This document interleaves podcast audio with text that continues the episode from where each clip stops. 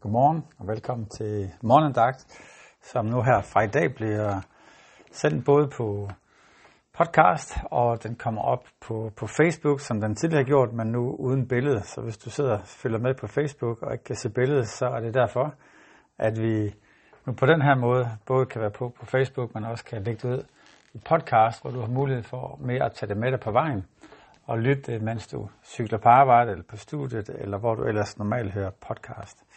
Så håber det bliver en gevinst for os alle sammen. Vi skal øh, i dag læse fra Matteus evangeliet, og vi skal læse fra kapitel 27, og så fra vers 11. Og der står sådan her.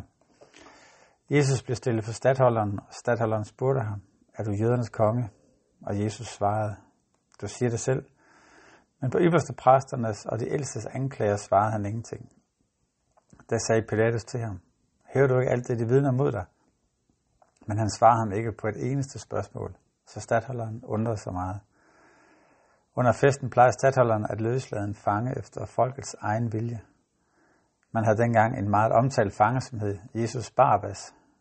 Mens de nu var samlet, spurgte Pilatus dem, hvem vil I have, jeg skal løslade jer? Jesus Barabbas eller Jesus, som kaldes Kristus? Han vidste nemlig, at det var en misundelse, de havde udleveret ham. Og mens han sad i dommersædet, sad hans hustru, havde hans hustru sendt bud til ham og lavet sige, hold dig for denne retfærdige mand, for jeg har i nat haft mange onde drømme på grund af ham.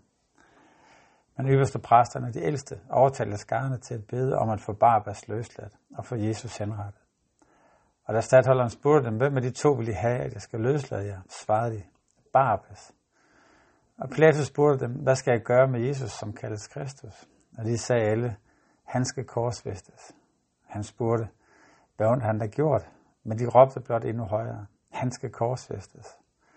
Da Pilatus så, at der ikke var noget at gøre, men at der tværtimod blev uro, tog han noget vand, og i skarnes påsyn vaskede han sine hænder og sagde, jeg er uskyldig i denne mands død.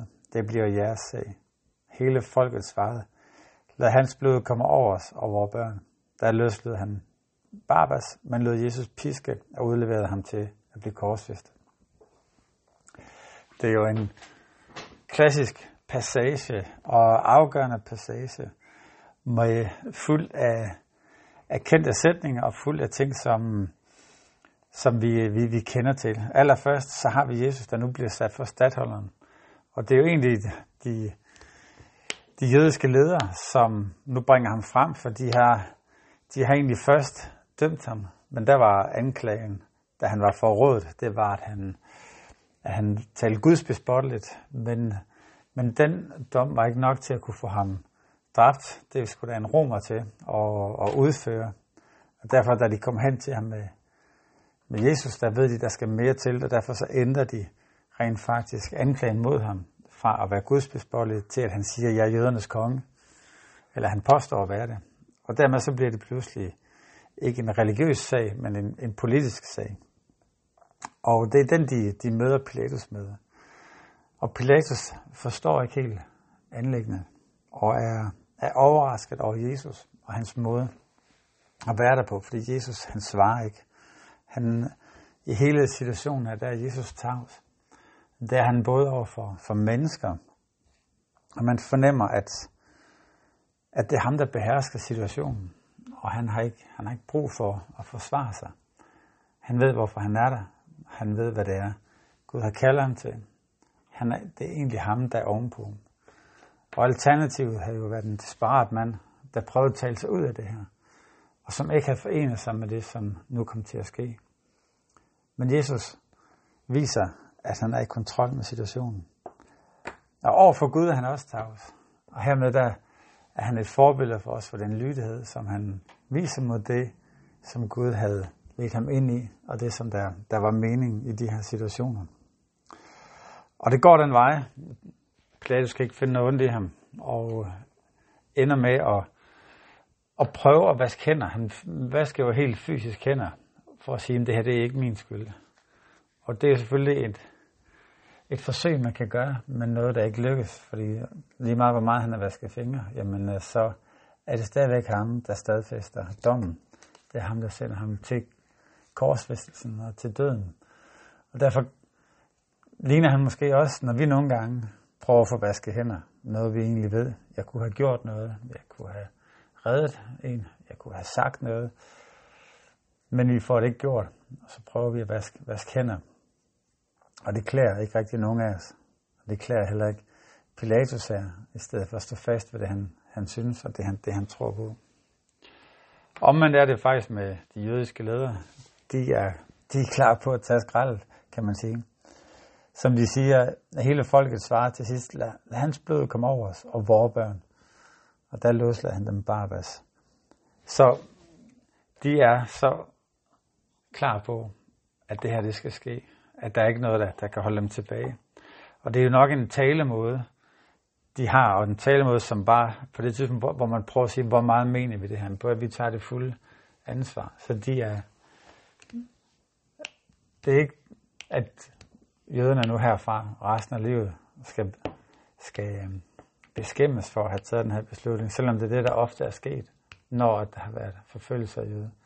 Men det er en måde, at de i situationen tager ansvar på. Og vi ser også, hvordan disciplerne efterfølgende først og fremmest går til, til jøderne med evangeliet.